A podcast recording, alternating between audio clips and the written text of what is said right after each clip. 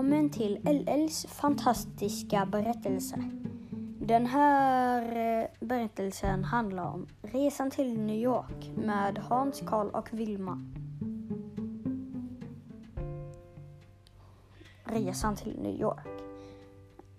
Resan med Hans, Karl och Vilma. Alla är 189 år gamla. Karl är sur och Vilma är bitter.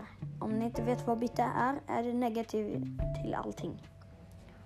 Och Hans är rolig. De bor i Växjö och de bor på ett ålderdomshem i Öjaby. De brukar aldrig resa för att de är så sega. Alla är sega för att de är ju 189 år. Kompisarna ska resa till New York och de ska köpa nya löständer och de är speciella. Vilma är bitter för att hon eh, har alltid otur. Men en enda gång i livet fick hon tur och fick kompisar. Men Gud gav henne turen. Sedan dess har Gud inte brytt sig om henne faktiskt så mycket. Hans är alltid rolig för att han är jättebra komiker. Och han går på träning som komiker. På ålderdomshemmet. Karl är sur och vi vet inte varför för att han nu inte vill säga det. De där löständerna är gjorda av rent guld och det är därför de ska åka dit. Guldtänderna kan hålla i 100 år. Hans är så bra komiker så att han tjänar miljarder pengar. Hans filmar sina skämt och andra donerar jättemycket pengar till honom. Det är därför han är miljardär. Hans bokade ett flyg till New York efter de hade ätit. Jag har bokat ett flyg om en vecka, berättade Hans. Jag kan inte tro mina ögon, sa Vilma glatt. Vi ska äntligen resa igen. Det har bara gått 100 år.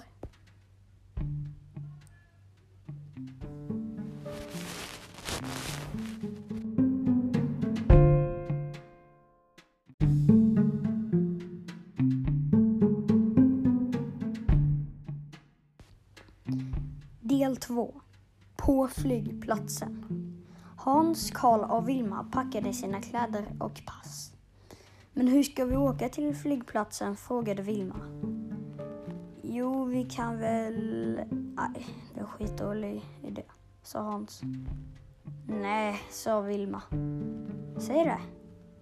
Jo, det står en Lamborghini utanför och jag kanske kan ta min käpp och sånt. Och visst, det gick ut och eh, Hans tog sin käpp och smackade till fönstret och eh, det föll glasbitar överallt.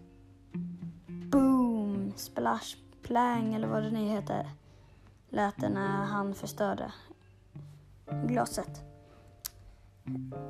Eh, vad heter det? Bilarmet gick så att de fick, de fick skynda sig snabbt. Vilma låg i bagaget medan Karl satt fram. Ni vet väl att Lamborghini bara har två platser? De åkte till flygplatsen och parkerade på VIP-platsen. Så, nu är det bara att gå in, sa Hans. Vad kallas en benlös groda? Jag vet inte, svarade Vilma. En eh, hopplös groda, sa Hans med en eh, glad röst för att han hade kommit på ett skämt. Wow, jätteroligt, sa Vilma, fast hon tyckte inte att det var roligt. De gick in och vi, de visste inte vad de skulle göra. göra. Då kom det en person som tar hand om det som var hundra år. Jag visste inte att det fanns sådana, sa Hans. Hej, kan jag hjälpa till? frågade hon. Ja, jo, vi måste åka till flyg... Åka till... Eh... Vi måste åka flygplan till New York, sa Karl. Okej, ta den här vägen, sa hon. Den vägen som hon visade. Hon är ganska söt, viskade Hans till Vilma och Karl när det var framme. Tyst med dig, sa Vilma med en arg röst. Nu var det vid gate 7. De väntade i några minuter och kön började bli mindre och mindre. Till slut var det deras tur.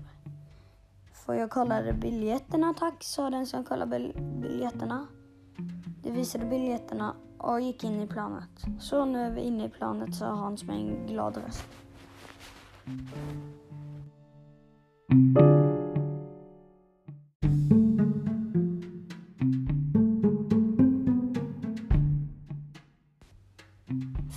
land, del 3. De satt på planet och snart skulle planet lyfta. Planet höjde farten mer och mer. Karl gillade inte att flyga för att han var höjdrädd. Men det kunde inte stå ut med. För att eh, de skulle ju flyga till New York och Hans och Vilma var, skulle bli jätteledsna om de inte skulle åka dit. Plötsligt så började planet lyfta och det flög högre och högre. Jag gillar inte det här, sa Karl med en orolig röst. Lugna ner dig, sa Hans. Det kommer att gå superbra. Ja, ja, sa Karl surt. Det var uppe på 10 000 meters höjd. Vilma sov och det gjorde Karl med. Han beställde mat för att han var hungrig efter allt detta. Här är det en gulacksoppa, sa servitrisen. Tack så mycket, sa Hans. Han åt soppan och blev mätt. Det hade gått två timmar nu. Vilma och Karl sov fortfarande. Vilma, Karl, vill ni ha mat? frågade Hans. Men det svarade inte. Hallå, vill ni ha mat? frågade Hans igen. Men det svarade inte. Han beställde en soppa till för att han blev hungrig igen. Här är din Hedvigssoppa, sa servitrisen. Åh, tack så mycket igen, sa Hans. Han var uttråkad, men då kom han på att göra lite skämt. Hmm, vad kan jag säga? Ett, ett bra skämt, sa Hans för sig själv. Han tänkte och tänkte och så kom han på. Alla barnen låg döda förutom Emma. Hon prövade sin AK45, sa Hans till den som satt bredvid. Han skrattade rakt ut. Det var det bästa skämtet. sa han som satt bredvid. Ja, tack så mycket, sa Hans. När det var framme så var det något konstigt. Något kändes fel. Det, det såg konstigt här. Det ser inte alls som New York. Det hade ju flugit till fel land. Jag måste prata med piloten nu, skrek Vilma. Hej piloten, sa Vilma med en arg röst. Vad är det här? Vi har ju flugit till fel land. Det är ju Madagaskar. Va? Jag tror att jag skulle komma ihåg det, men vi skulle ju till New York, sa piloten med en orolig röst. Så nu ska du ge alla ett gratis flyg till New York. Annars så pratar jag med din chef, sa Vilma med en argare röst. Okej, men vi har väldigt stort problem, sa piloten. Vi har inget bränsle. Ja men toppen! Nu kan vi inte alls åka dit, sa Vilma. Hur länge ta, skulle det ta att flyga till New York? Jo, det skulle ta hmm, 13 timmar att åka dit, sa piloten. Nu har vi fått nog, sa Vilma med sin arga röst. Vi åker till Sverige igen. Eh, sa Vilma. Så gick Vilma till Hans och Karl. Piloten sa att planet behöver tanka och det skulle ta 13 timmar att åka till New York, sa Vilma med en besviken röst.